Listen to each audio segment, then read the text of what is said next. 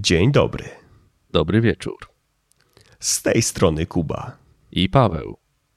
Słuchasz podcastu po szklanie i na testowanie.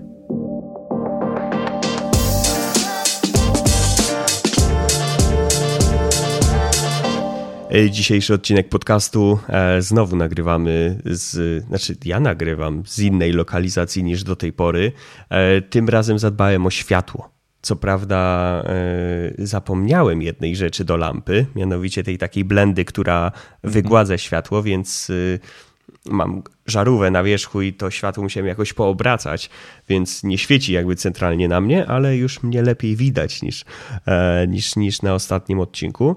E, W dzisiejszym mm, w dzisiejszej odsłonie porozmawiamy o takiej sytuacji, gdzie gdzie są moje maniery przede wszystkim? Pawle, co u ciebie słychać?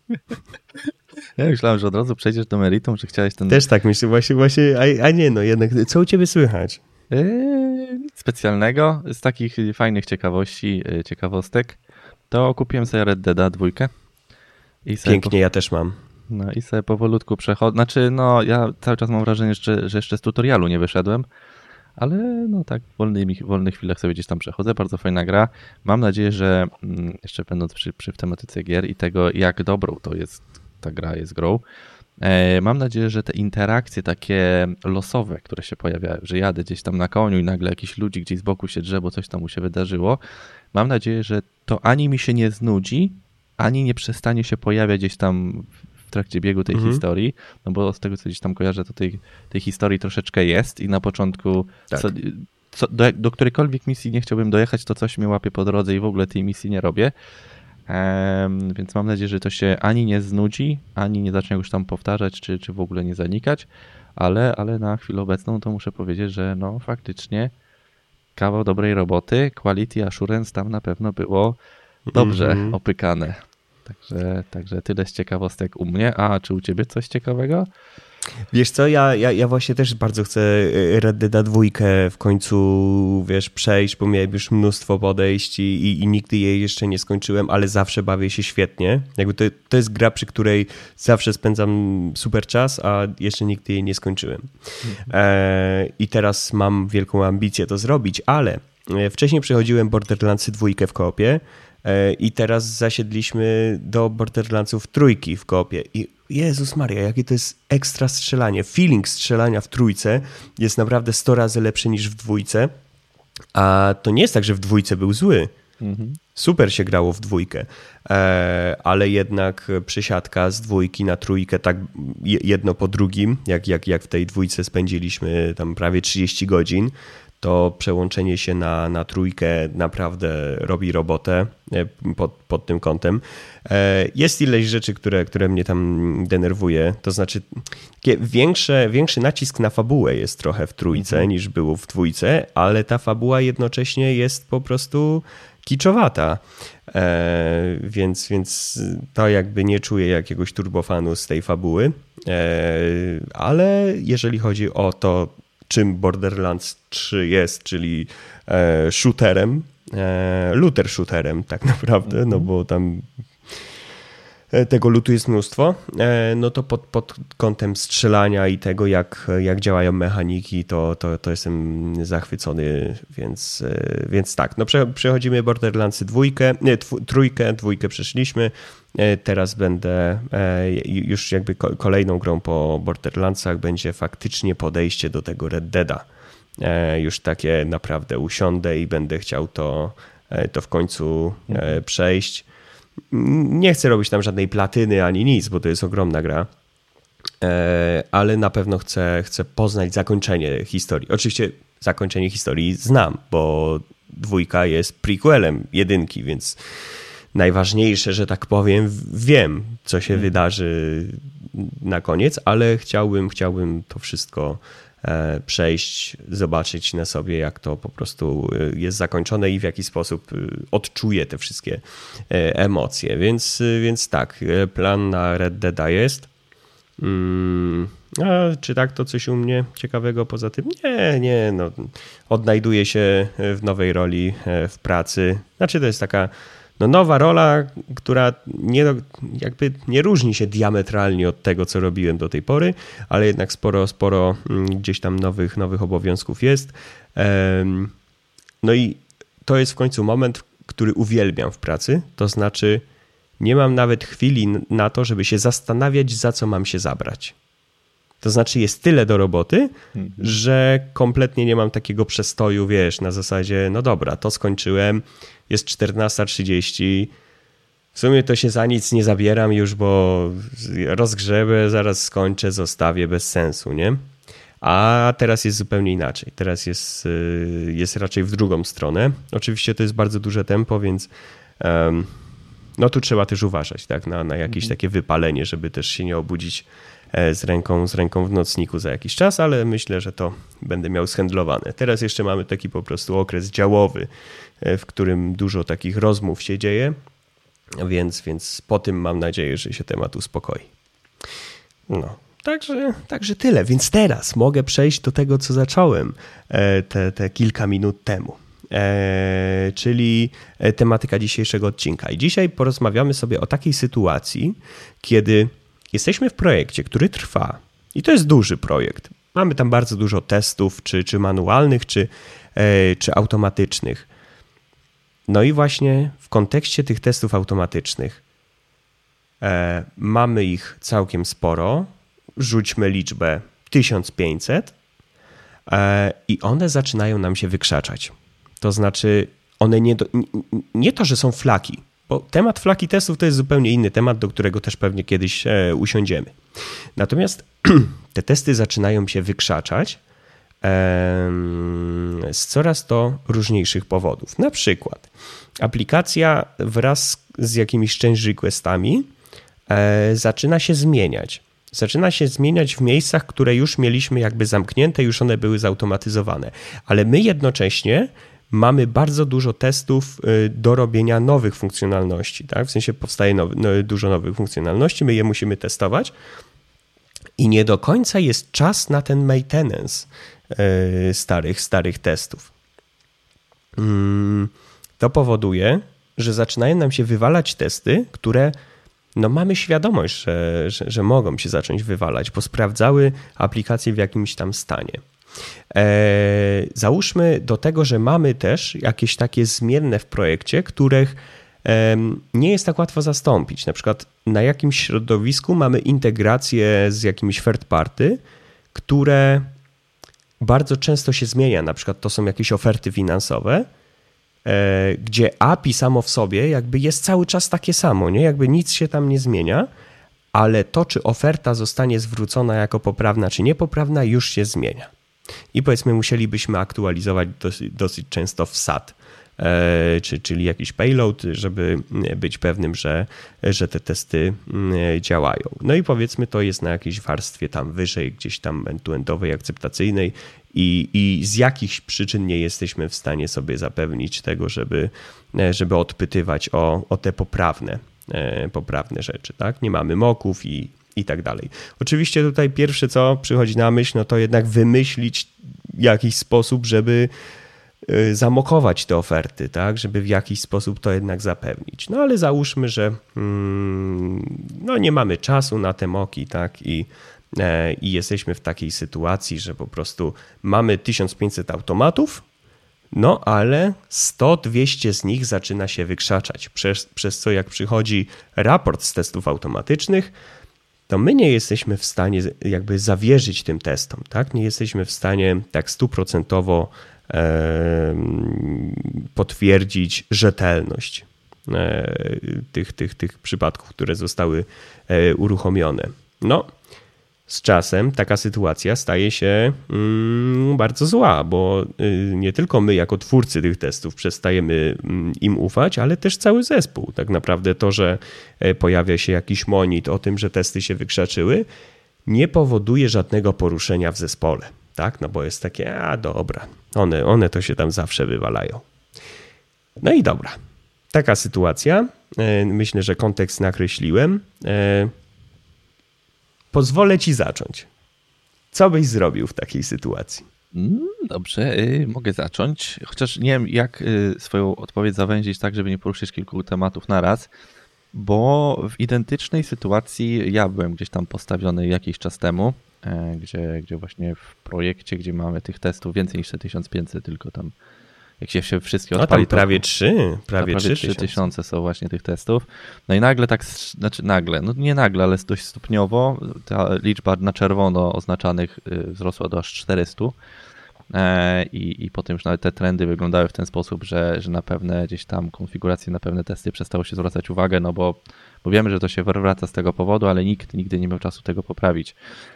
No i akurat w naszym przypadku podeszliśmy do tego kilkutorowo, że to nie jest tak, że znaleźliśmy jedną dobrą solucję na, na załatwienie tego, tylko znaleźliśmy ich tam, znaczy musieliśmy ten problem po prostu podzielić na kilka mniejszych kawałków i e, jakoś tam ten czas e, czy, czy nasze podejście zmienić w taki sposób, żeby jednak te, tych kilka jakby rozwiązań wdrożyć w życie. Jednym z nich było, mm, jak to tak nazwałem, nie wiem czy to jest odpowiednie jakieś y, definicja, nazewnictwo, akumulacja pewnych czynności, gdzieś tam, które dzieją się na przestrzeni 10 testów w jeden konkretny test, ale delikatnie inaczej zbudowany, zbudowany w, to, w tej warstwie, nazwijmy to logicznej. Przez to, że wiele testów klikało, powiedzmy, że to samo w ramach, powiedzmy, nie wiem, jednego formularza. Wszystkie testy, tam powiedzmy 10 testów testowało jeden formularz, ale każdy z tych testów testował pojedyncze pole. No i przez to, że zmienił się gdzieś tam. Tak, to, to yy, przy, przy, przepraszam, to właśnie, to, to, to żebyśmy doprecyzowali to, to, tą sytuację. Mamy okienko, w którym jest pięć pól i sprawdzenie tego, czy jest tam e, jakaś logika za, e, zaszyta w środku, bo tu nie chodzi o to, czy się pojawiła walidacja, czy nie, tylko tam taka biznesowa logika siedziała pod spodem po e, interakcji z danym, z danym e, to nie tylko inputy, to jakby z danym elementem, e, to generował się pewnego rodzaju JSON z różnymi danymi. I jak dobrze rozumiem, wcześniej testy e, działały tak, że wchodziły do tego formularza i sprawdzały, tak, e, była interakcja z pierwszym elementem, sprawdzanie tej logiki pod spodem tych JSONów i na tym był koniec tego testu. Tak. tak. I za drugi element odpowiadał drugi test. Tak. Dokładnie tak. I jakby samo, powiedzmy, że sama weryfikacja tych pojedynczych elementów, nawet jeżeli jest rozłożona na 10 testów, nie byłaby problematyczna, gdyby nie część, nazwijmy to, procesu dojścia do tego formularza, która potrafiła się wywrócić na jakimś zupełnie oddzielnym elemencie. No i jeżeli mielibyście tak właśnie taką sytuację, że że te wszystkie pola w jakiś tam sposób działały, ale nie wiem, jakiś nagłówek nam się przesunął, nie wyświetlił, nie mieliśmy jakiejś jednej danej testowej, to zamiast jeden test zaświecić na czerwono, zaświecę, zapalało się ich aż 10, tak? No bo po prostu nie byliśmy w stanie dojść do tej jednej operacji. Więc Powstał. I co, co, co, ważne zaznaczenia tutaj chyba jeszcze, mm -hmm. to to był czysto frontendowy proces, nie? Tak, to był tylko i wyłącznie frontendowy test, jakby no bo przez to, że ta interakcja z tym formularzem, ona dopiero po stronie frontendowej generowała jakąś tam mhm. właśnie logikę biznesową, no to testy też były stricte frontendowe, nie dało się tego wprost przełożyć na, na operacje backendowe, po prostu jest to nierabialne. No więc doszliśmy do wniosku, że improvementem gdzieś tam dogadaliśmy się z klientem, spróbowaliśmy jakkolwiek gdzieś tam e, jednak znaleźć no to czas taki, żeby to nie był bezpośrednio nasz maintenance, tylko jednak usprawnienie, no bo finalnie to nie tylko jakby zmienia kolor tych, tych testów, ale też wpływa na naszą architekturę prowadzenia tych testów ogólnie, tak? No bo tych formularzy jest cała masa. To nie jest tak, że to jest jeden formularz, tylko tych formularzy jest cała masa. Więc żeby zmienić podejście całościowo, no to, to gdzieś tam dogadaliśmy się z klientem, żeby to poprawić, zmienić w ogóle podejście do tego.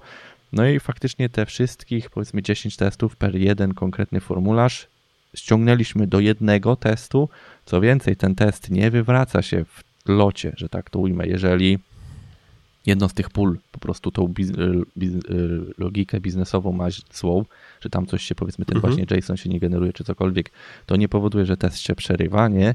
To wszystko jest gdzieś tam zbierane w locie, e, przechodzony jest przez wszystkie te pola i dopiero na samym końcu jest weryfikacja, czy jakikolwiek błąd się pojawił. Jeżeli błąd się pojawi chociaż w jednym z pól, no to finalnie test jest oznaczany na czerwono, natomiast jeżeli wszystkie pola przeszły poprawnie, to test na czerwono nie jest oznaczany. No i wszystkie te, które były gdzieś tam powiedzmy 3 na 10 pól nie zadziałało, no to mamy taki specjalny, dodatkowy attachment, dołączamy sobie do raportu, który listuje nam te gdzieś tam wywrócone elementy.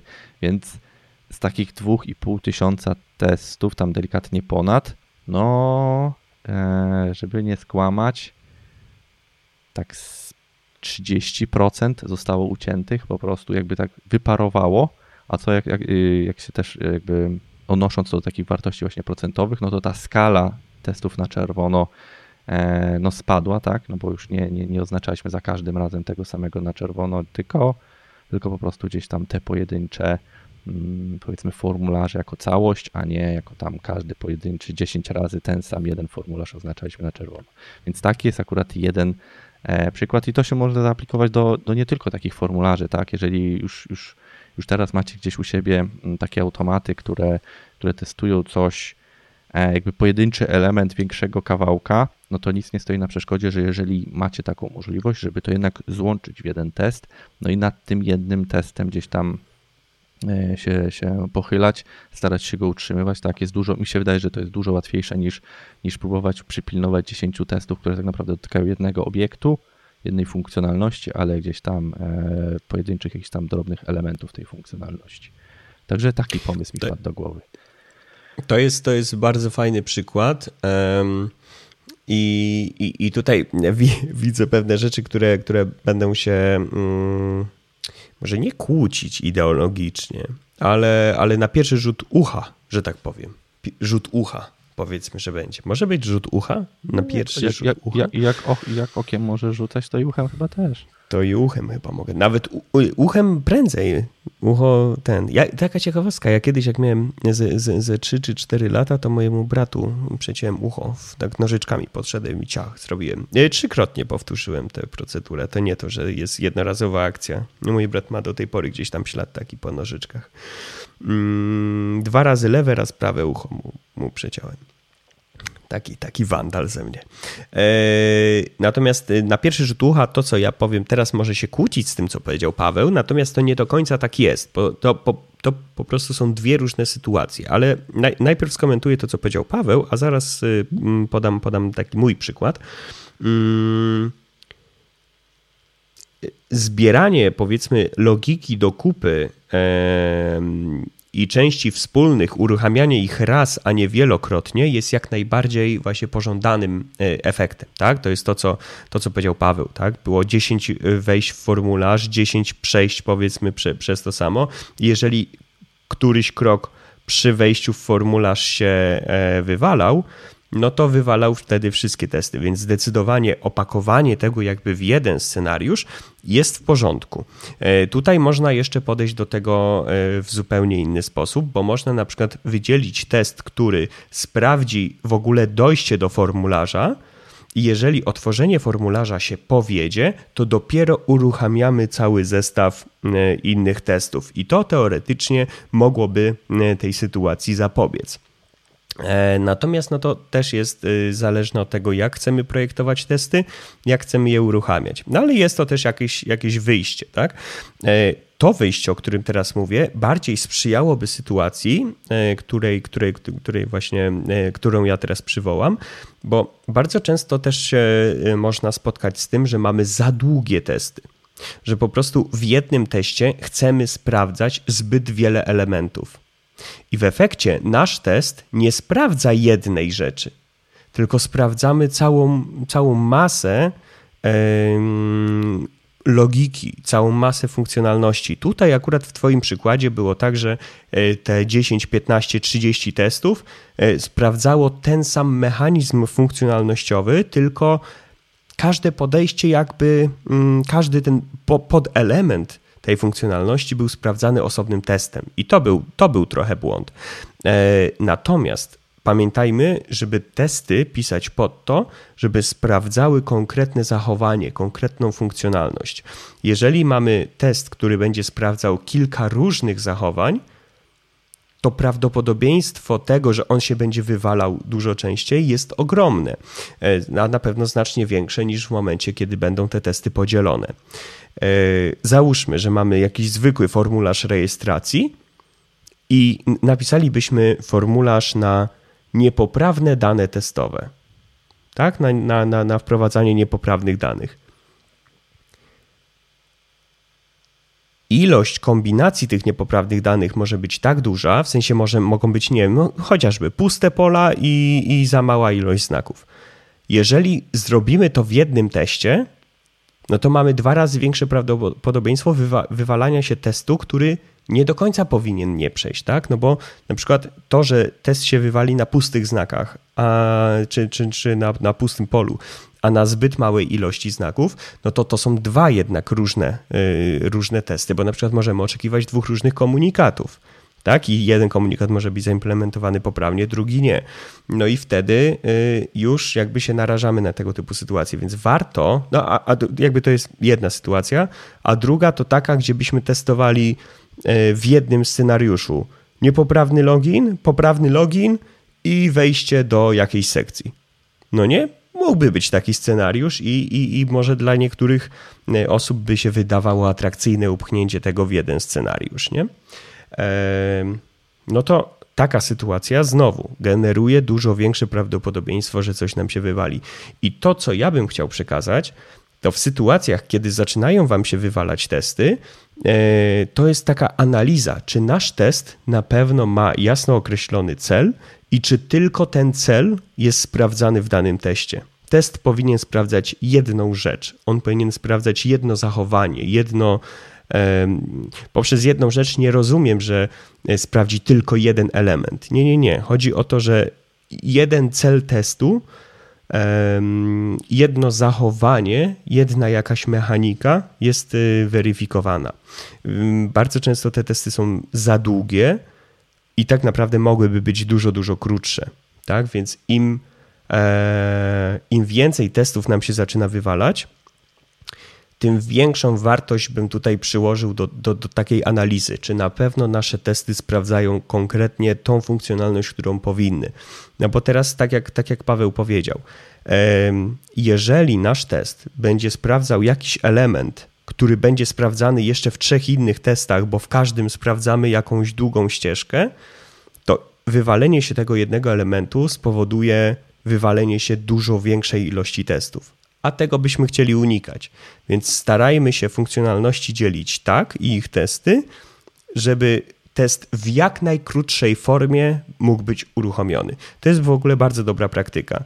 Pisząc test, dbajmy o to, żeby on był odpowiedzialny za jedną konkretną funkcjonalność, za sprawdzenie jednej ważnej rzeczy, czy, czy, czy spełnienie tego jednego celu, i druga rzecz, którą bym miał tutaj na uwadze, żeby ten test był jak najkrótszy, w sensie jak, naj, jak najkrótszy w stosunku do tego, jak może być krótki, tak?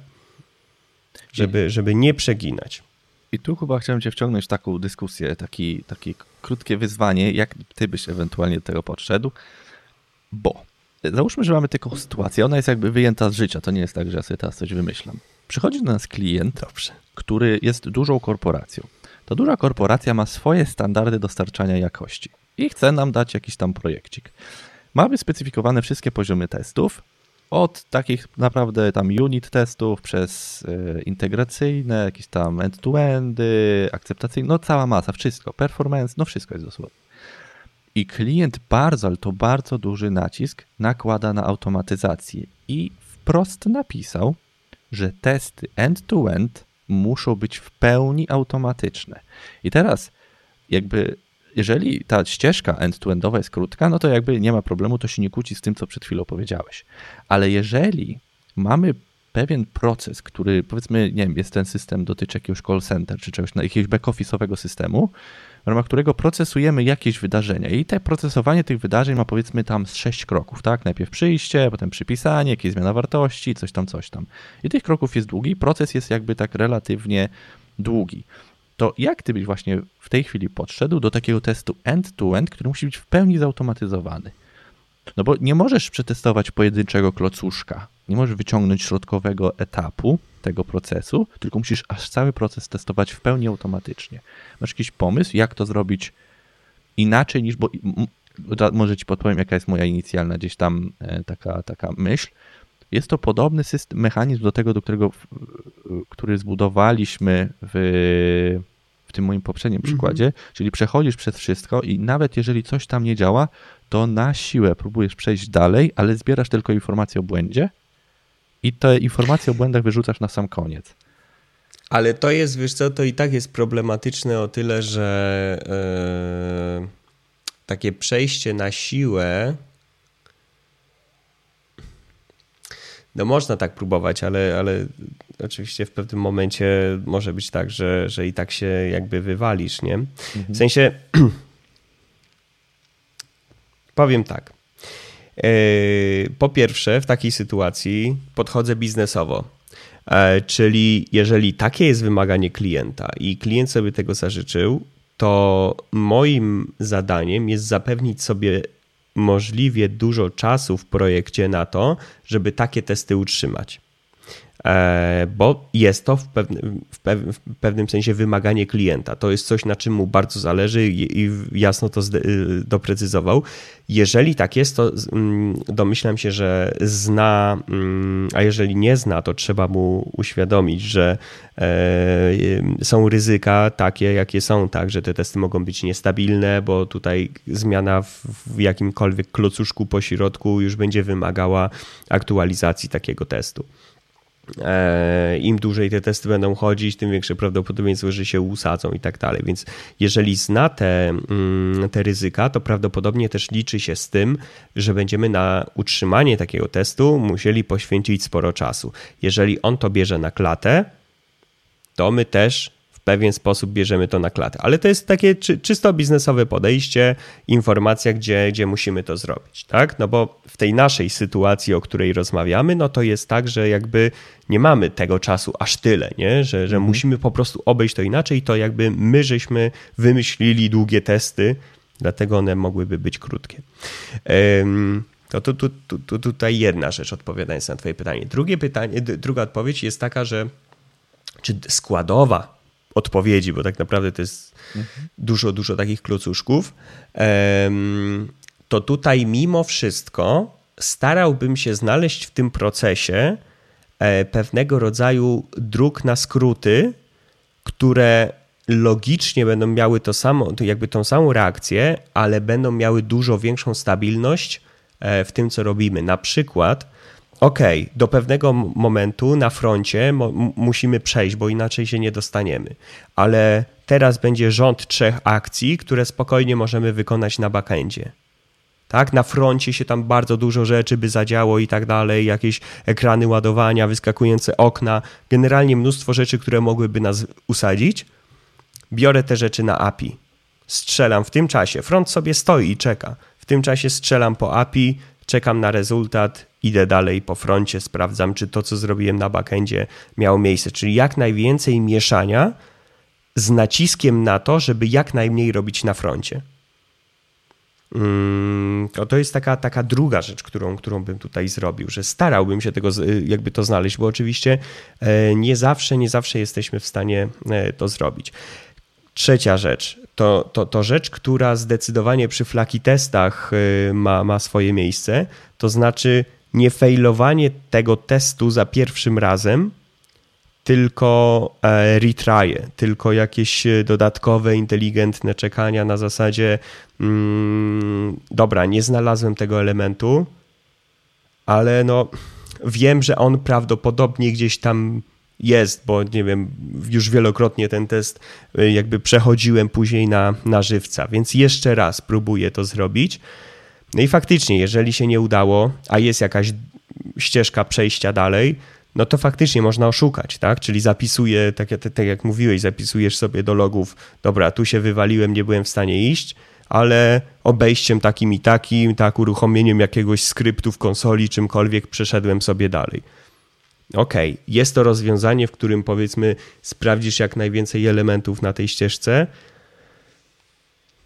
ale pytanie, czy to obejście, jakby to takie hamskie pójście dalej, jest odzwierciedleniem jeden do jeden akcji, którą bym wykonał na, mm, logicznie. Jeżeli tak, to spoko, to mogę to zrobić, ale jeżeli nie, jest to hamskie obejście, którego e, zwykły user nie będzie w stanie zrobić, no to pytanie, czy to, że ten test przeszedł, to to dla nas, w sensie, że poszedł dalej, to to dla nas jest jakkolwiek mm, miarodajne.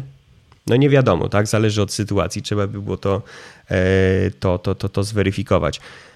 Kolejnym pytaniem jest, ile takich testów klient jakby, mm, że tak powiem, sobie zażyczył. Bo tutaj jest jeszcze kolejna rzecz. Kiedy ja taki test bym faktycznie uruchamiał? Bo jeżeli ja sobie dla swoich potrzeb napiszę dużo krótsze testy, funkcjonalności, które są składową tych klocuszków, tak? Nawet tych początkowych, i te moje testy się wywalą, no to ja tego end-to-enda nawet nie uruchomię, tak? No bo będę wiedział, że no, nie ma sensu, bo już proces wcześniej leży. Eee, no i pytanie właśnie, ile klient e, by, by, by takich testów chciał, tak? E, aplikację, którą bym puszczał, e, którą bym testował takimi testami, to żeby nikt nie tracił czasu ani zasobów, po, przejechałbym najpierw jakimiś innymi smokami, sanity testami, jakimiś takimi regresjami, które byłyby du dużo szybsze i dopiero po przejściu tych rzeczy, gdzie miałbym świadomość i taką pewność, że ta aplikacja nadaje się do tego typu end-to-endów, dopiero wtedy bym to puszczał. Na pewno te end-to-endy nie byłyby uruchamiane za każdym razem, tylko jako ostatni gdzieś tam klocek, e, który, który idzie.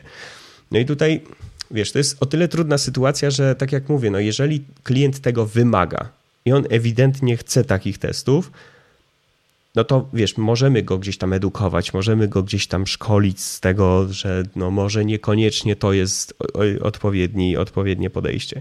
Ale domyślam się, że mogą być aplikacje, w których musimy to zrobić, bo faktycznie ten proces tego wymaga. No to tutaj, tak jak mówię, no te rzeczy, e, które, które wymieniłem, tak, zadbałbym jednak, żeby mm, dobierać narzędzia do tego testu w taki sposób, żeby e, jak, jak najstabilniej to poszło. E, dobierać czas uruchomienia tych testów i, i, i sytuacje mm, do momentu, w którym wiem, że aplikacja nadaje się do tego typu testów. No i przede wszystkim zadbałbym o to, żeby były zasoby do utrzymywania e, testu takiej, takiej pełnej ścieżki. A no i to, co najistotniejsze, to zadbałbym o to, żeby takie testy uruchamiać na maszynie jak najbardziej e, wydajnej, jak najlepszej zasobowo, żeby zminimalizować naprawdę ryzyko wywalenia się testów ze, ze względu na czynniki jakieś tam z boku, tak? Jakieś przerwania sieci, czy, czy, czy, czy, czy, czy out of memory, czy cokolwiek, nie? To, to myślę, że tak, tak, tak bym do tego, do tego podszedł. Przypomniałem sobie, że zadawanie ci pytań y, w trakcie nagrywania odcinka to raczej nie jest do końca trafiony pomysł. Eee, Gdzieś tam jak sobie na początku, jeszcze tuż przed, tuż przed naciśnięciem tych czerwonych guzików nagrywania. Nie, Paweł, dzisiaj tak króciutko, ładnie, zgrabnie się zwiniemy. Ja jedno pytanie w środku tak tematu i chłop zaczął, jak 15 minut opowiadał, to fiu, fiu.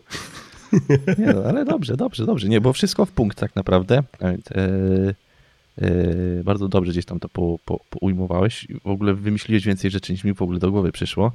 Więc i tak jestem pod wrażeniem. Bo gdzieś tam ten temat sobie wcześniej przemyślałem, mówię coś tam tego. Tylko, że ja też mam troszeczkę inny ogląd, bo ja wiem, o jaki dokładnie projekt chodzi, jak ten system dokładnie będzie tak, wyglądał. Tak, tak, tak, tak. Więc ja sobie delikatnie jakieś tam inne e, rzeczy wziąłem e, pod, pod rozwagę, a ty... A bo to jest, to jest oczywiście tytuł, ani nic mi nie mów, ale to jest ten projekt, o którym ja myślę, że to jest ten projekt. Najprawdopodobniej to jest ten projekt, o którym myślisz, że to jest ten projekt. Także... Duży, duży taki. Duży, duży taki, no.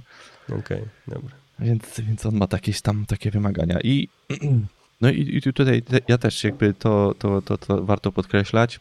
Dużo zależy od biznesu, tak, no bo też to nie, nie, nigdy nie chodzi o to, że, że to my jesteśmy jakimiś tam orędownikami wysokiej jakości, nie wiadomo czego i będziemy się tłuc o to, żeby takie testy się pojawiały, tylko bardziej gdzieś tam powinniśmy, jeżeli takich testów w ogóle nie ma w planach, to gdzieś tam dogadywać się z klientem, żeby może jednak jakiekolwiek wprowadzić, Natomiast jeżeli on wprost wymaga takich i jest chętny za to płacić, no to naszym celem jest zrobić je jak najlepiej i, i de facto dowieść, tak? No bo jakby nie patrzył nasza część pracy, to też biznes, tak? To, to, to że może naszą, ten jakby my nie tworzymy kodu wprost jakby tej aplikacji działającej, no to i tak wpływamy na jej jakość, a, a czym coś lepsze, tym, tym bardziej to. Jest, to, Słuchaj, to jest bardzo fajna rzecz e, i to jest y, też wymienione w standardach ISO 9001 e, chyba. Dobrze, dobrze, o ile dobrze kojarzę, chyba, chyba 9001. Mm, tam jest zdefiniowana jakość. Co to znaczy, że soft jest jakościowy? I tutaj jakby może kogoś zaskoczę, może nie. Jakość bardzo często jest e, spełnieniem oczekiwań i satysfakcji klienta, tak naprawdę. W jakiś, w jakiś tam sposób. Oczywiście wiadomo, te normy jakościowe, no to, to, to tam jeszcze mnóstwo rzeczy jest wymienionych, tak? No wiadomo, bezpieczeństwo, jakość taka pozbawienia błędów i tak dalej. Ale koniec końców, ta jakość rozumowana, e, e, rozumiana także przez, przez certyfikację, to jest dostarczanie klientowi e, produktu, który spełni jego potrzeby, jego oczekiwania i będzie zadowolony, tak? Będzie z tej usługi naszej czy z produktu zadowolony. Tak można rozumieć jakość. I teraz tak, jeżeli przychodzi do nas klient i on chce, e, ma, ma biznes, tak? Chce, chce od nas jakąś aplikację, to my musimy zadbać, żeby on był zadowolony z tego, co dostał. I tutaj musimy tego klienta też często słuchać. Wiadomo, klient bardzo często nie, nie wie, czego chce. Nie? To, to wiadomo, to jest frazes, ale no, no, no tak jest, że jakby bardzo często po, po rozmowach z klientem się okazuje, że on jednak chce czegoś innego. Nie do końca to, z czym przyszedł. Nie? Jakby dopiero po konsultacji z ekspertami się okazuje, że faktycznie, nie? faktycznie to jest lepsze. Ale chodzi o to, że są świadomi klienci. I często klient płaci i on wie za co płaci. I on sobie zdaje sprawę, że ok, tu mogą być pewne niedociągnięcia, ale to są filary, na których mi zależy. I na przykład takim filarem może być właśnie to, że on będzie miał takie testy. I my teraz, dowożąc mu ten projekt, musimy zadbać, żeby on był w jego oczach jakościowy, czyli żeby on dostał to, co chce i żeby to, co chce dostać, jest wykonane dobrze, solidnie, wiadomo, tanio, szybko, nie? E, e, I i to musimy mieć cały czas na względzie. Musimy wiedzieć, jakie są potrzeby naszego klienta, żeby być w stanie dostarczać mu jakościowy soft. I teraz rzucę bardzo kontrowersyjną rzecz.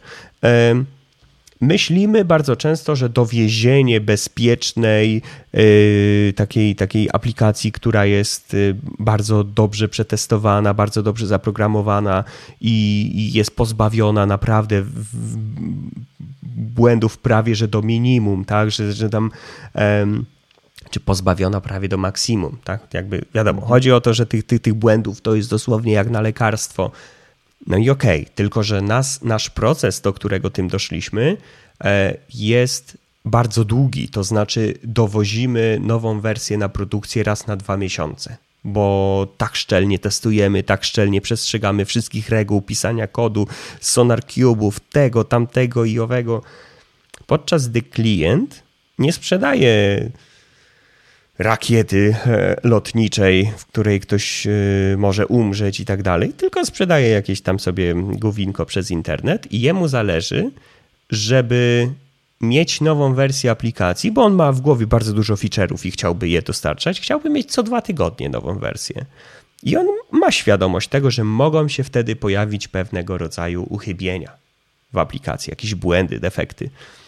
No i okej, okay, my dostarczamy mu bezbłędny soft, ale raz na dwa miesiące, a on oczekuje dużo szybszych zmian, dużo szybszego iterowania i by chciał mieć co dwa tygodnie. Czy on, mimo tego, że do, dostarczamy mu super bezpieczną aplikację spełniającą wszystkie normy, certyfikaty i tak dalej, dostarczamy mu jakość i tą wartość, której on oczekuje? No nie, bo on oczekuje wartości w zupełnie innym miejscu. On oczekuje jakości też w zupełnie innym miejscu. To jest oczywiście taki mocno przerysowany przykład, ale chodzi o to, że, że, że, że możemy stwierdzić, że nasz produkt jest dobrej jakości, czy nasza usługa jest dobrej jakości, będziemy w stanie e, to określić dopiero wtedy, jak poznamy te potrzeby klienta i jego rozumienie jakości. Jeżeli klient ma zupełnie innego, e, inne postrzeganie na jakość niż my, to może dojść do sytuacji, w której ten konflikt interesów stanie się coraz bardziej widoczny i może się okazać, że wcale nie jesteśmy takim fajnym klientem, jak, jak nam się wydawało, bo przecież u nas nie ma błędów w aplikacji. To jest takie, taka filozoficzna trochę, trochę myśl, ale polecam, polecam się nad tym zastanowić, bo mm, to też jest rzecz y, wzięta z życia i to tak naprawdę brana z życia na co dzień, bo co projekt, co klient, to się okazuje, że tak naprawdę nacisk na, na, na różne rzeczy jest w innym miejscu. Tak. Więc to warto, warto brać pod uwagę. Dokładnie tak. Żeby nie rozciągać timeline'u, powiem tylko taki krótki taki fun fact. E, moja praca inżynierska, praca inżynieryjna, nie wiem jak to się tak dokładnie odmienia, dotyczyła inżynierska. właśnie... Inżynierska. No, inżynierska. praca inżynierska. Dotyczyła e, zaprojektowania systemu, jak zwykle to praca inżynierska, ale jakby temat tej, tej, tej, tego softu, który miał powstać, to była różnica w ocenie jakości usług a produktów. I to, jak właśnie wspomniałeś o tym, jak jakość jest opisywana w tam standardach ISO, to się bardzo fajnie przekłada do tego, jak w ogóle taką jakość można wyznaczyć w obiektach fizycznych, no bo to jest jakby, to jest dużo prostsze, a w obiektach niefizycznych. I, i w ogóle wyliczanie albo wyznaczanie tej jakości w takich powiedzmy niefizycznych aspektach to jest no na, wow, temat rzeka, tam w ogóle mhm. książkę można napisać, skoro ja dałem radę napisać pracę inżynierską, to można naprawdę jakiś tam doktorat, nie wiadomo co z czego z tego zrobić. Książki od ekonomii, w ogóle właśnie to często dość gdzieś tam o ekonomię się zawija. No cała masa książek jest napisana na ten temat i no i faktycznie, tak jak mówisz, to, to nie jest takie proste, i, ale w takim dużym uproszczeniu, jeżeli klient czegoś chce i dostaje to w takiej formie, w jakiej on sobie to wyobraża, to znaczy, że coś jest jakościowe. Ale jeżeli on sobie coś wyobraża, a my mu dostarczamy coś innego, no to to już jakościowe nie jest. I nawet jeżeli to, co on uważa, że wygląda dobrze, ale w środku zawiera błędy, to jakby nie mówi o tym, że produkt jest złej jakości, tak? Tak jest mm -hmm. po mhm. prostu uproszczenie, tak. ale, ale, ale fajnie, że sam do tego gdzieś tam się doturlałeś. No, jestem pod wrażeniem, panie kierowniku. Miałem, miałem ostatnio nawet prezentację u nas w firmie na ten temat. A, i wszystko jasne. E, ale to jakby wkład do prezentacji też był jakby mój, w sensie mm-hmm. to jest mo, mo, moja filozofia. I to też ja, ja do tego wniosku doszedłem po, po wielu bojach, bo ja kiedyś miałem takie podejście właśnie mo, mocno strażnicze, nie? że mhm. no nie, nie, nie, no fajnie, że klient jakby nie oczekuje od nas tego, ale my to musimy, my to dostarczymy, z, z, opóźnimy tę wrzutkę, nie? zrobimy po swojemu. No a później się okazało po rozmowie z klientem face to face, że on mówi, no stary, ale na to nikt nie zwraca uwagi, nie? Jakby mamy statystyki. Może z 5% naszych użytkowników w ogóle zwróci uwagę, że tu coś wygląda inaczej niż, niż, niż powinno, ale za to ważne jest dla niego, żeby, nie wiem, to działało ultra szybko. A nasze działało średnio szybko, ale wyglądało zajebiście, tak? No i to jest to, że tak naprawdę, jeżeli klient jest świadomy, to on przyjdzie ci, wiesz, z konkretami, tak? Po co się robi badanie rynku? Żeby właśnie wiedzieć, na co ludzie zwracają uwagę, co, co ich przyciągnie, co jest dla nich kluczowe. No i na przykład y, to, się, to się nauczyłem w ogóle przy, przy symulatorach finansowych, że na przykład jest taka reguła, e, czy, czy, czy, czy takie, takie w ogóle też są badania, tak, że jeżeli strona się ładuje w tym momencie więcej niż tam dwie sekundy, czy trzy, to użytkownik już ma takie, dobra, wyłączam to, nie? Że, że standard Google'a gdzieś taki jest, że jeżeli strona się przez tyle nie załaduje, to prawdopodobieństwo, że 75% użytkowników, czy ileś tam ich opuści tą stronę jest bardzo, bardzo duże. A jednocześnie są symulatory finansowe, które ładują się 5 minut. Bo w sensie nie, że w ogóle otwierają się 5 minut, ale jakiś tam proces będzie 5 minut i komunikat, że, że to zajmie do, do 5 minut. No i masz takie, no nie, no katastrofa, to jest okropne, nie? No i ci gościu przyjdzie, powie, no daj spokój. Ja mam tutaj dane, które pokazują, że jednak jak już jesteś w tym procesie, to czy to zajmie 5 czy ileś minut, to i tak zostanie. No i wtedy te twoje założenia, że co ile się powinno coś odświeżać, wcale nie, nie, nie mają racji bytu, tak? Więc to wszystko tak jak wiele rzeczy, to zależy. Jeszcze tylko tak, zanim w ogóle mhm. wrócimy do automatyzacji, to się przypomniało. Sytuacja z wczoraj czy przedwczoraj? E, dzisiaj jest piątek, jak my to nagrywamy, wy słuchacie w poniedziałek. No to to powiedzmy, że było we wtorek ubiegłego tygodnia i te kwestii strażnikowania Kuby. Pad y życiowa sytuacja, jest sobie projekcik i padło pytanie, czy możemy przedłużyć code freeze. Do mnie wprost. Ja tak sarkastycznie napisałem, że nie, no jak data wpisana w bed, nie ma, nie, no nie, nie zdążycie, to nie będzie tego. I Kuba wysłał mi takiego gifa klaskającego człowieka, to chyba nie pamiętam, jak się tam, Leonardo DiCaprio, czy ktoś... Ten, DiCaprio z Wilka z Wall Street. Tak, ja mówię, ale on tak poważnie, on w sensie, że czy, czy on, ty to uznałeś, że to tak na serio? No ja potem następny komentarz napisałem właśnie, bo to typowo właśnie było biznesowe podejście, tak? Klient poprosił o dowiezienie czegoś szybko, więc ja powiedziałem, no, że nie, no nie będziemy, a potem nie, no żartuję, jeżeli, jeżeli wyrobimy się do jakiejś tam godziny, czy że po prostu zakres zmian nie będzie duży, no to możemy ten wyjątek zrobić do tego code freeze'u ale no... Nie, no ja, ja, ja, ja słuchaj, ja, ja, ja, ja zawsze jak widzę, że, że powiedzmy to w cudzysłowie, moi ludzie e, wchodzą w szranki z deweloperami, to ja, to ja bardzo lubię gdzieś to tam podjudzić i ten. Nie no, oczywiście e, ja, ja, ja jestem zdania, że wszystko jest e, jakby do zrobienia z głową, tak?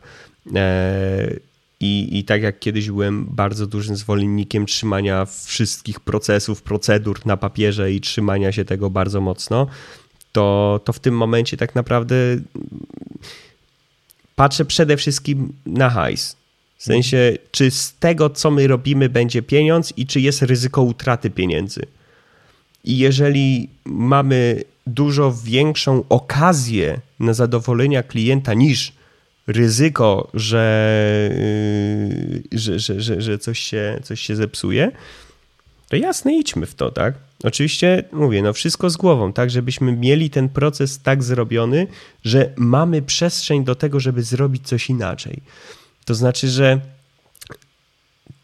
bo żeby to też nie zabrzmiało w drugą stronę jak klient przyjdzie, powie, dobra, dodajcie mi to i to, a my powiemy, ale my już kompletnie nie mamy w ogóle miejsca, jak to dodamy, to nie, przetestujemy, nie, nie przetestujemy tego niczym, nawet unit testami, nie puścimy nic, bo, bo coś tam. A klient mówi, dobra, i tak róbmy to, a my dobrze w sumie, tak, klient płaci ten, no od tego też jestem daleki, nie, żeby wtedy mhm. stwierdzić, dobra, no przecież chciał, tak, e, bo jednak ryzyko, że on się później z tego, ej, chciałem, ale no nie chciałem, żeby mi się wszystko wyjebało na plecy, nie? No, no jakby jest wtedy zbyt duże, ale wiadomo, do wszystkiego podchodźmy z głową, bo um, w ogóle też fajną rzecz przeczytałem gdzieś ostatnio w jakichś dokumentach, że ktoś napisał coś takiego. Cieszę się, że dzięki temu naszej, yy, dzięki temu tulowi możemy pracować w znacznie bardziej ustrukturyzowanej formie z procesami, co za tym idzie bardziej w agile'owo. No i ja się tak zacząłem, tak czytam to zdanie i mówię, ja na przykład uważam, że w jednym zdaniu dużo bardziej y, ustrukturyzowany procesowy sposób, czyli agile'owo, to jakby to są dwie różne rzeczy, nie?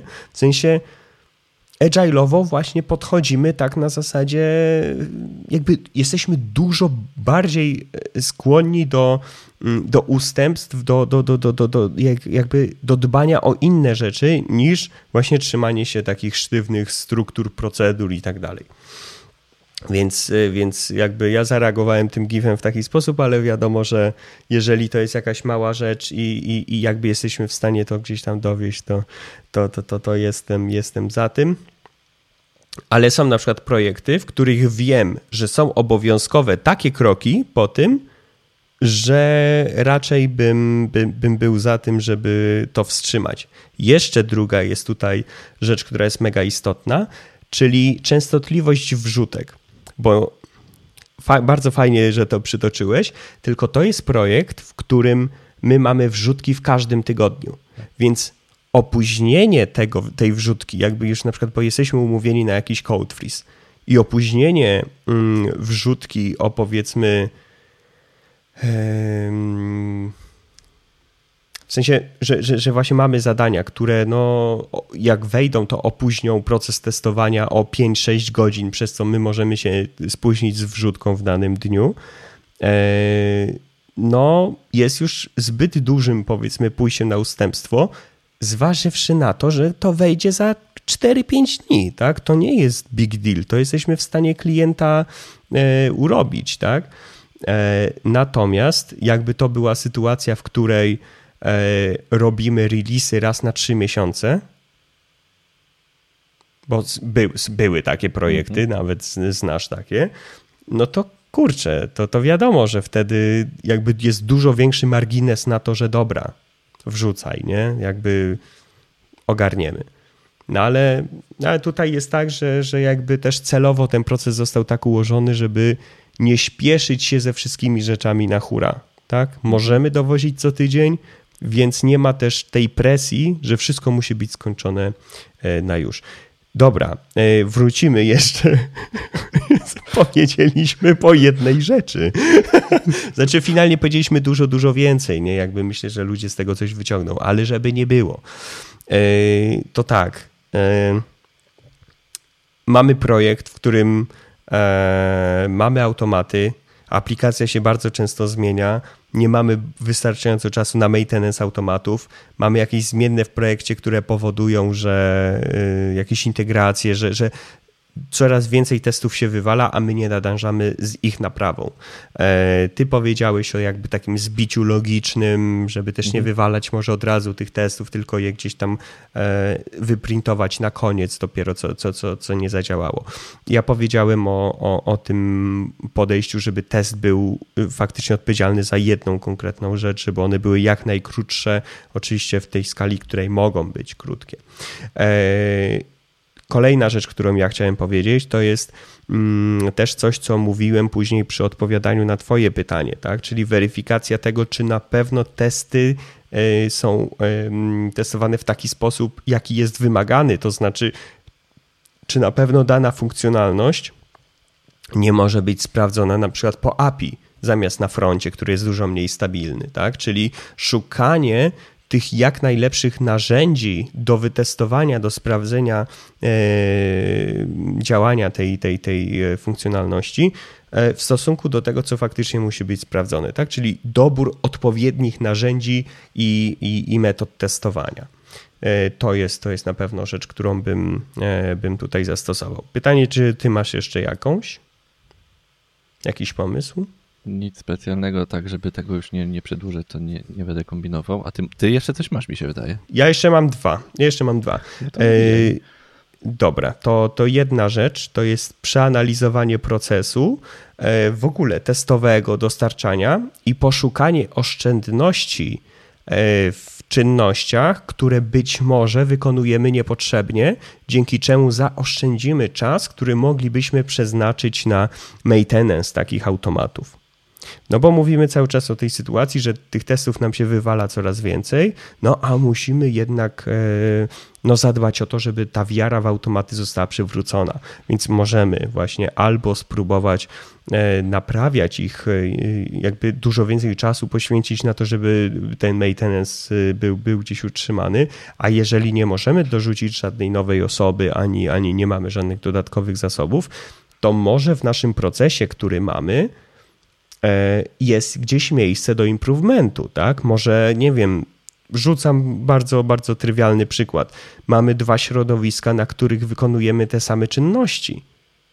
I może tutaj, wiesz, nie ma sensu tych dwóch godzin dodatkowo na ułacie poświęcać, no bo nie ma takiego, takiej potrzeby w ogóle, że tak naprawdę robimy to samo i nie mamy z tego żadnych, żadnych e, Mm, żadnych, żadnych takich korzyści dodatkowych. Jeżeli to zaoszczędzimy, to mamy już powiedzmy dwie godziny dodatkowe na maintenance, tak? co nam by pozwoliło na e, lepsze skontrolowanie tej sytuacji. Ale to jest też gdzieś takie e, leczenie objawowe. Mm, kolejną i ostatnią rzeczą, jaką mam, i ona jest według mnie najważniejsza, i ja od tego bym zaczął i się tego trzymał, ja cyklicznie robiłbym takie rzeczy w każdym projekcie, czyli e, przegląd testów, które wykonujemy, które są w tej paczce regresji, w paczce end-to-endów i tak dalej, i weryfikacja, czy na pewno te testy mi coś dają. E, w kontekście tej pewności, czy aplikacja jest dobrze przetestowana, czy jest dobrej jakości i tak dalej. I wybieranie na bieżąco takiego zakresu, którym będę w stanie się opiekować, i wtedy pełen fokus na tych testach. Ale to jest bardzo istotne, żebyśmy rozumieli, do, do, czego ta aplikacja służy, gdzie klient właśnie widzi jej wartość, gdzie są te rzeczy, o, których, o które ja powinienem zadbać.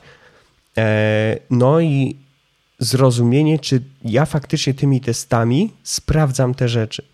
Bo może się okazać, że połowa moich testów sprawdza rzeczy, które są tak naprawdę y, z perspektywy klienta mało istotne. Y, ten, ten przykład, o którym ty, Paweł, mówiłeś, tak, o tej logice biznesowej gdzieś tam pod spodem. Mm, to jest na przykład funkcjonalność. Ja jej tutaj nie będę dokładnie przytaczał, ale to była funkcjonalność, która z perspektywy użytkownika tak symulatora jest totalnie prze, przeźroczysta. On tego nawet nie widzi, co się dzieje pod spodem, ale dla sprzedażowców to już jest mega, mega ważne narzędzie. No i pozornie, jakbyśmy sobie na to spojrzeli, moglibyśmy powiedzieć, że dobra, łatwiej będzie te testy wyłączyć, bo one i tak nic z perspektywy użytkownika nie dają. A prawda jest zupełnie inna, tak? Dla klienta, dla którego y, robimy ten soft, y, ta funkcjonalność jest bardzo, bardzo istotna. Z kolei my sprawdzamy rzeczy, które jak się okazuje, klient ma w poważaniu. To znaczy, tutaj podam taki przykład. Y, kiedyś sprawdzaliśmy statystykę zgłoszonych błędów przez klienta, i na przykład my mieliśmy fokus na testach frontendowych, bo bardzo dużo osób wchodzi na te rozwiązania i tak dalej, podczas gdy okazało się, że klient, jak już nam zgłasza, że coś, e, coś znalazł, coś nie działa, dotyczyło tylko i wyłącznie backendu, tylko i wyłącznie tego, co się działo pod spodem. Na to, co się dzieje na, na, na wizualnie, oni nie zwracali uwagi, bo ich klienci, nieważne jak to wyglądało, to i tak to klikali. I to też gdzieś pokazuje, że tak naprawdę ten fokus na pewien obszar może być znacznie, znacznie mniejszy w momencie, kiedy zrozumiemy potrzebę klienta i to, co w tej aplikacji jest istotne. Dzięki takiemu regularnemu przeglądowi może się okazać, że ej, dobra, faktycznie trzy sprinty temu stworzyliśmy cały zestaw testów automatycznych do tego, tego i tego. No ale do takiego regularnego uruchamiania potrzebujemy tylko tego i tego, tak? Jakby tamtych rzeczy nie musimy, nie musimy brać.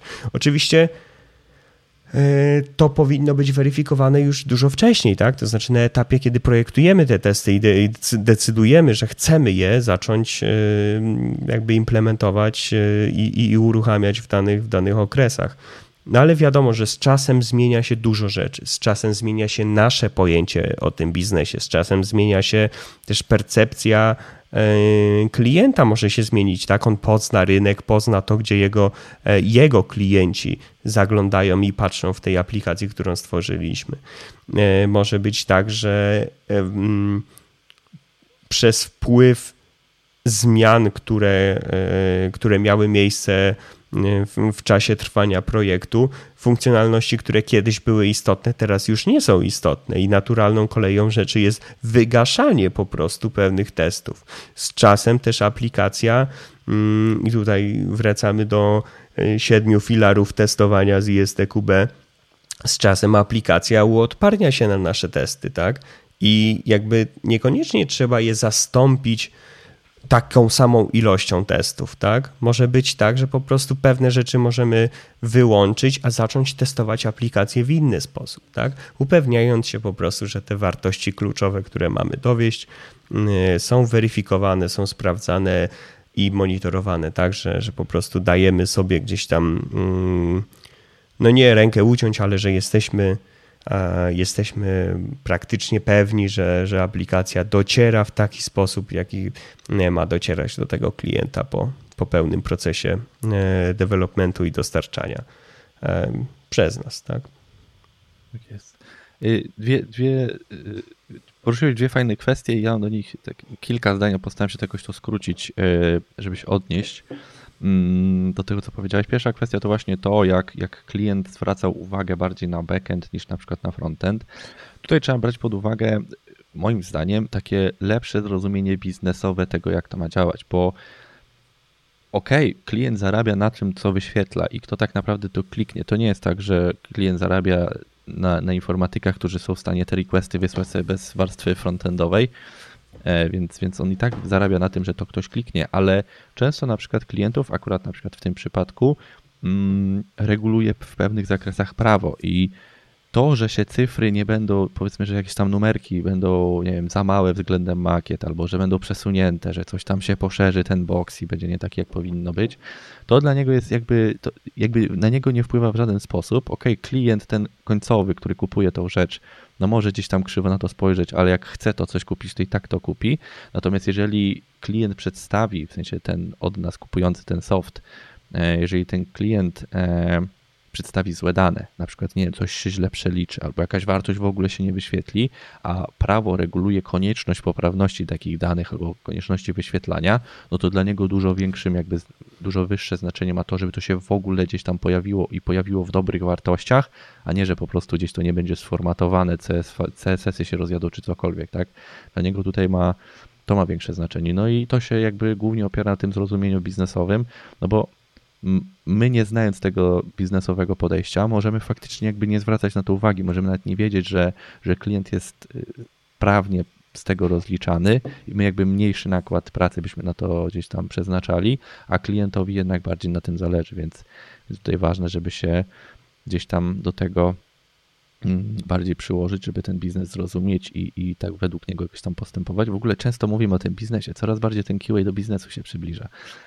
A druga kwestia tej konieczności. On się, wiesz co, on się, on, się, on się nie przybliża, on zawsze był, tylko, tylko my, do no, tego dochodzisz z czasem. Tak, tak, tak, masz rację. To nasze zrozumienie się poprawia. Mhm. Mm, a druga kwestia, y, tą, którą poruszyłeś delikatnie wcześniej, czyli wyłączanie pewnych testy, takie przeglądy, czy coś tam jest sensowne, czy nie. Mm, to jest bardzo dobry punkt tylko trzeba w pewnych momentach, w pewnych relacjach z klientem przygotować się na to, że to nie zostanie do końca dobrze odebrane. I, i ja byłem w takiej sytuacji, gdzie wszedłem gdzieś tam do projektu, zobaczyłem te, te, ten, ten, ten framework do testów automatycznych, no i był straszliwy, straszliwie był zły. Tam połowa testów w ogóle była bez sensu, druga, po, druga połowa to może nie, byłby przecież wszystko na czerwono świeciło, ale ta jedna czwarta, która jeszcze zostaje, w ogóle się świeci na czerwono, tylko jedna czwarta gdzieś tam tu jest prawda i też tak naprawdę pierdoła nie to, co powinna.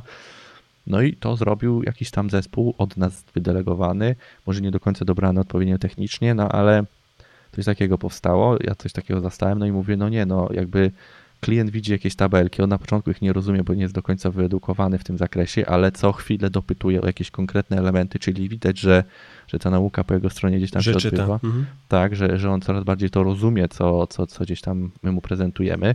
No ja mówię, no nie, no bo on zaraz się skapnie, tak, że my tu jakoś, że to są bójdy na resorach i, i po prostu e, łatanie na trytytki, łapanie tego na, na szarą taśmę, że to nie ma sensu. No musimy jakby przełknąć to, że on zapłacił nam za bubel, e, tak, że my mu dostarczyliśmy bubel, on za to zapłacił, no i teraz my wprost musimy powiedzieć, że no słuchaj, chcemy to poprawić, widzimy, że zrobiliśmy źle i, i chcemy to jak najbardziej poprawić. No i akurat w tej relacji z klientem ja się gdzieś tam nie, nie, dogadywałem się jeszcze z nim za dobrze, tak, bo ja gdzieś tam byłem świeży, ale stwierdziłem, że zaryzykuję, przygotowałem jakieś tam rozwiązanie troszeczkę inne, pokazałem jak to mogłoby wyglądać. No i klient na początku, no dobra, ale po co? W sensie, dlaczego chciałbyś to zmieniać? No i musiała paść ta argumentacja, że no bo to, tamto, siamto, że to jest no nie tak, jak powinno być zrobione. A klient powiedział, aha, okej, okay, dobra, przemyślę i, i, odezwę się do was. No i tam paręnaście minut później już telefon od a coś ty im tam nas sprzedawał. Klient przyszedł wkurzony, że takie gówno dostał, że w ogóle czemu ty, bo z mojej wiedzy o tym, no to też mój był troszeczkę błąd, ja się przyznaję do tego, tak, mogłem gdzieś tam tą linię obrony wcześniej zarysować z całym zespołem, a nie tylko tutaj wewnętrznie gdzieś tam QA-owo. No i przyszedł gdzieś tam ta, ten opiernik przyszedł, e, ale w takiej dłuższej perspektywie, no to klient był w niebo wzięty, tak, jak jakby tą zmianą, zapłacił nawet za to, że, że my to poprawiliśmy, gdzieś tam w pulach na początku trochę tak krzywo na to patrzył, ale jak dokładaliśmy kolejne kawałki tego całego planu, który mu gdzieś tam przedstawiłem, no to był coraz bardziej zadowolony, zadowolony i zadowolony i gdzieś tam na, na koniec e, część z tych rzeczy, które my wprowadziliśmy do niego, do, taki, do takiej dużej korporacji, do takich wielkich projektów, zaczął włączać do takiego standardu ogólnie korporacyjnego, tak? Co było dla nas takim wow, nie? Że, mm -hmm, że w końcu mm -hmm. to mhm. nasze gdzieś tam te rozwiązania biorą pod uwagę jako ten wyznacznik dobrego prowadzenia na przykład tych właśnie testów automatycznych czy, czy, czy samego poziomu QA-owania. Także no trzeba się z tym mierzyć, trzeba badać gdzieś tam tego klienta, czy on może się na to zgodzić, no bo może się też trafić taki klient, że powiemy, no słuchaj, skopaliśmy, gdzieś tam rotacja u nas po naszej stronie, zauważyliśmy, że pewne rzeczy były robione źle, chcielibyśmy to poprawić. No i są klienci, którzy powiedzą, ok, dobra, gdzieś tam za jakiś hajs możecie to poprawiać, a mogą być tacy, którzy powiedzą, no nie, nie ma poprawiania i, i, i, i w ogóle mogą się na nas obrazić, a jak jeszcze dobrze pójdzie, to nas posądzić, że gdzieś tam jakiś kit żeśmy im wciskali, więc trzeba gdzieś na to uważać, ale jeżeli jest taka opcja, żeby, żeby jednak to przedyskutować, spróbować poprawić, E, jakoś ładnie tu argumentować, tak jak mówię, nie, nie na zasadzie, że zjebaliśmy i możemy to poprawić, tylko, tylko gdzieś tam ładnie przedstawić plan, harmonogram, cokolwiek, jak najbardziej się do tego przygotować i, i finalnie to zrobić, tak? I potem nawet jeżeli tak jak powiedziałeś, żeby na przykład co release to przeglądać, no to już z klientem na wstępie, yy, na samym początku jakby to przedyskutować, słuchaj, my będziemy tworzyć testy, ale bardzo możliwe, że one będą traciły swoją ważność, więc chcielibyśmy co release jakoś tam przeglądać je, rotować, część wygaszać, część dokładać, więc te raporty, że liczba testów może czasem bardziej zmaleć niż urosnąć, nie oznacza, że my gdzieś tam coś tam na specjalnie żeśmy pokitrali, tylko te testy przestały mieć sens i, i po prostu wprowadziliśmy taką zmianę. Także, także dwie fajne rzeczy po, gdzieś tam poruszyłeś. Ja staram się to podeprzeć jakimiś takimi praktycznymi przykładami. Mam nadzieję, że bardzo fajny, bardzo fajny, tak, ciekawy. Ciekawy, bo, bo jakby to, to, to mówię z perspektywy słuchacza, ja, ja gdzieś tą sytuację piąte przez dziesiąte znam, ale, ale tak czy siak jakby całość zbierając do kupy czułem, czułem się jakbyś trochę mi nową sytuację opowiadał, czułem się zainteresowany, także uważam, że, że w porządku. Mm, nie no jasne, jasne, to, to jakby tu, tu, tu myślę, że nie ma co doda dodawać, wszystko, wszystko powiedziałeś, no tak naprawdę zależy to od tej relacji z klientem, bo jakby są też projekty, w których klient nie ma pojęcia, co ty tak naprawdę testujesz i jak testujesz. On po prostu ma dostać soft na wtedy i wtedy i, i tak naprawdę jakbyś go zapytał, drogi kliencie, a jak my to testujemy, to by ci powiedział, nie wiem i gówno mnie to obchodzi, nie? Jakby dopóki dostarczasz mi coś, co działa, to, to możecie nawet zamkniętymi oczami rzucać w to bananami i jak, jak działa, to, to spoko.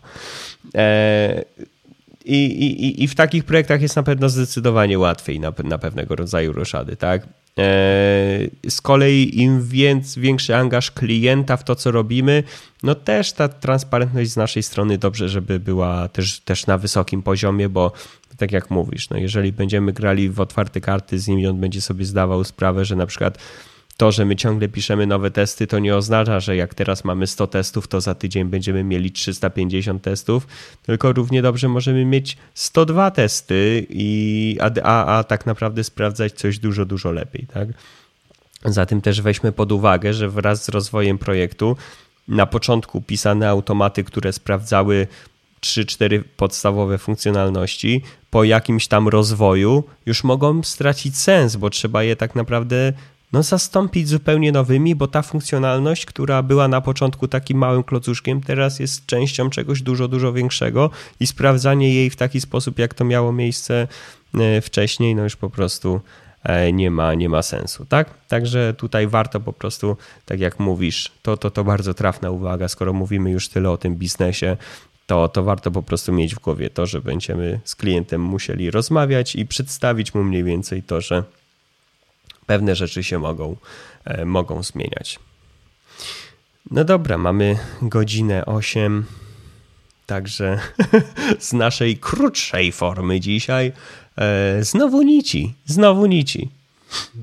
Dokładnie tak. No jednak, jednak jak nie stoisz, to, to dobrze się rozmawia, więc. Tak, więc tak, tak. Jakieś klęczniki może musimy sobie załatwić i wtedy to w ogóle nas przepili, żeby to Albo, szybko kończyć. Albo planki będziemy, wiesz, no, na, to... na, na, deskę. Jak się zasapie po pięciu minutach, to nawet intro nie zdążymy zrobić. Powiemy, nagramy szybko, do usłyszenia i się rozejdziemy. Nie no, kurczę, y, to jest w sumie z drugiej strony, czy jest sens się oszukiwać, że, że krótsza, po, krótsza forma nam nie leży, no, po prostu. Tak. I, I chyba się trzeba z tym pogodzić. I wy słuchacze też się musicie z tym pogodzić, że jakby będą długie odcinki.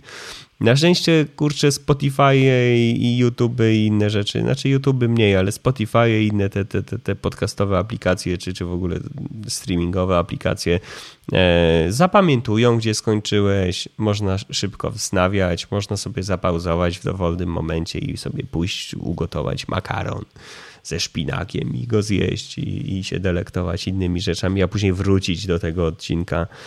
E, więc co prawda, e, ja na przykład jak słucham podcastów, to, to mam parę takich y, y, serii, które mają dosłownie 10-15 minut odcinek. No i tam jakby mocno skondensowana wiedza na jakiś temat, ciach, przyjmuję, idę dalej, spoko, nawet nie zdążę zasnąć, nie? I jakby mam to przyjęte. A przy tych dłuższych podcastach czasami zasypiam i jeden odcinek słucham trzy czy cztery razy, bo, bo, bo gdzieś tam zasypiam.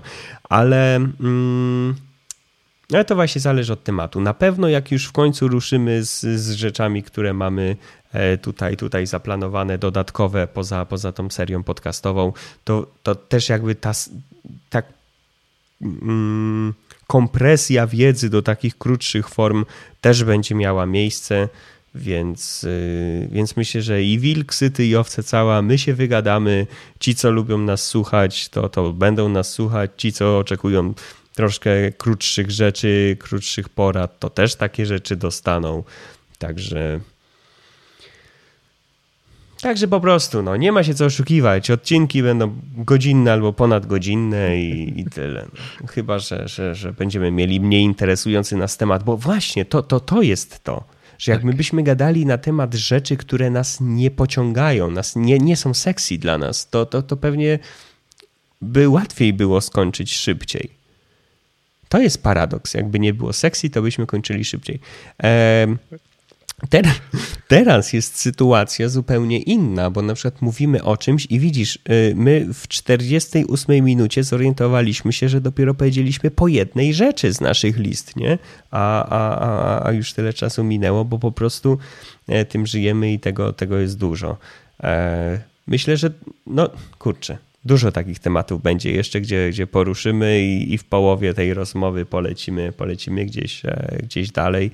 Mm, ale myślę, że to jest fajne, bo, bo i wiedza jakaś z tego płynie dla, dla słuchacza i e, no i poza tym, poza tym, no kurczę, no piszecie nam, że, że, że, że dobrze się nas słucha, także bardzo my, myślę, że trzeba płynąć z tym prądem. I jak zaczął w, min- w godzina 8 mówić o tym, że odcinek będzie za długi, to przez 4 minuty opowiadał o tym, że odcinek będzie jednak za długi, bo musi być długi. Dokładnie tak. That's what she said. No dobrze, to co? To chyba tym optymistycznym akcentem jednak ten za długi odcinek już będziemy przymykać. Czy, czy jeszcze coś chciałeś po, po, poprzydłużać? Nie, już nie. Nie, coś chyba znalazł, nie. ale... Coś bym znalazł. Ale to jest właśnie to, co, co kiedyś gadaliśmy. Musimy ja nie wiem, czy na tym samym kanale, ale musimy też o, właśnie. O tak o pierdołach nagra- po prostu gadać. Do, o pierdołach, dokładnie, bo tych pierdół jest tyle przecież, tych ciekawostek, Anegdotek, że no. anegdotek i właśnie w takiej totalnie chaośnej formie po prostu dyskusja na jakiś temat sprzed tygodnia i, i, i jechać z tym. Ja myślę, dużo jest takich rzeczy. Obo, obaj jesteśmy rodzicami dzieci we w miarę podobnym wieku, więc myślę, że tutaj już samych anegdotek z tego, jak myśli małe dziecko i, jak, i co nas fascynuje w tym, myślę, że tego byłoby mnóstwo. Tak, tak. Ja z takich rzeczy tylko, szybciutko tylko powiem jeszcze, e, jak na przykład, bo ostatnio rozmawiałem z pewną osobą, która mówi, kurczę, ktoś tam sobie kupił mieszkanie, bo dostał pieniądze w spadku po kimś tam, e, mieszkanie też w spadku po kimś tam, kupił sobie trzecie czy czwarte mieszkanie, Boże, taka osoba nie ma w życiu problemów, a co chwilę jak z nią gadam, to mówi, o ola Boga, ale jest ciężko w życiu, nie? No i faktycznie jakby z pe pe pewnej perspektywy można sądzić, że no, ta osoba nie ma ciężko w życiu, no bo przecież ja, ja mam gorzej. No tylko, że zawsze każdy patrzy przez pryzmat swojej perspektywy. No i tutaj to nie jest tak, że tamta osoba nie ma prawa być nieszczęśliwa, bo ma więcej niż ty. Po prostu ona odczuwa ten ból zupełnie inaczej. E, dla niej złe rzeczy są zupełnie inne niż dla ciebie. W sensie, co innego jest dla niej złe, co innego dla niej powoduje, że o kurwa, ale mam ciężko w życiu. I ja bardzo lubię w takich sytuacjach postawić się tak empatycznie chyba trochę jednak. Ja całe życie myślałem, że nie jestem empatyczny, a się okazuje, że chyba trochę jestem. E, postawić się przez, przez jej pryzmat. Ja tutaj bardzo lubię taką anal e, analogię do dzieci. E, jak na przykład dziecko uczy się chodzić, pamiętasz na pewno ten moment, jak uczyłeś się, znaczy twoje dziecko uczyło się chodzić i się przewróciło, na przykład to coś się uderzyło i o Jezu, i płacze jak cholera, mimo że wcale nie musiało go to boleć, ale dla niego jest wielka porażka. Tak, dla niego to jest coś turbo złego, że on się przewrócił, że on nie dał rady. I tak sobie myślisz, czy to jest powód do takiego płaczu? Po prostu się przewrócił. Ale w jego skali życia to jest najgorsza rzecz, która mu się w życiu przydarzyła. Do tej pory nie było wydarzenia, które byłoby gorsze niż ta przewrotka. No i tak samo jest tutaj, tak? Tobie, nie wiem, mógł e, zginąć e, rodzic, mógł go przejechać tramwaj na twoich oczach, nie? No to to już jest wydarzenie, które kalibruje to, co jest złe. Później ktoś ci powie, o kurczę, masz, masz, e, nie wiem, masz jakąś tam chorobę, tak? A ty się pytasz, dobra, śmiertelna? No nie śmiertelna, ale strasznie pogorszy jakość twojego życia. Ty wiesz, no dobra, spoko, przynajmniej nie potrącił mnie tramwaj nie obciął mi głowy, nie? No jakby już masz tą skalę gdzie indziej. Także yy, to warto po prostu się czasem tą empatią wykazać i to, jak ktoś nam mówi, że ma słabo w życiu, a my niby mamy gorzej, to nie do końca tak jest, że mamy gorzej. Po prostu w skali naszych doświadczeń problemy tamtej osoby są w zupełnie innym miejscu niż u niej, ale to nie zwalnia tamtej osoby z możliwości przeżywania tego po prostu w taki sposób, w jaki przeżywa.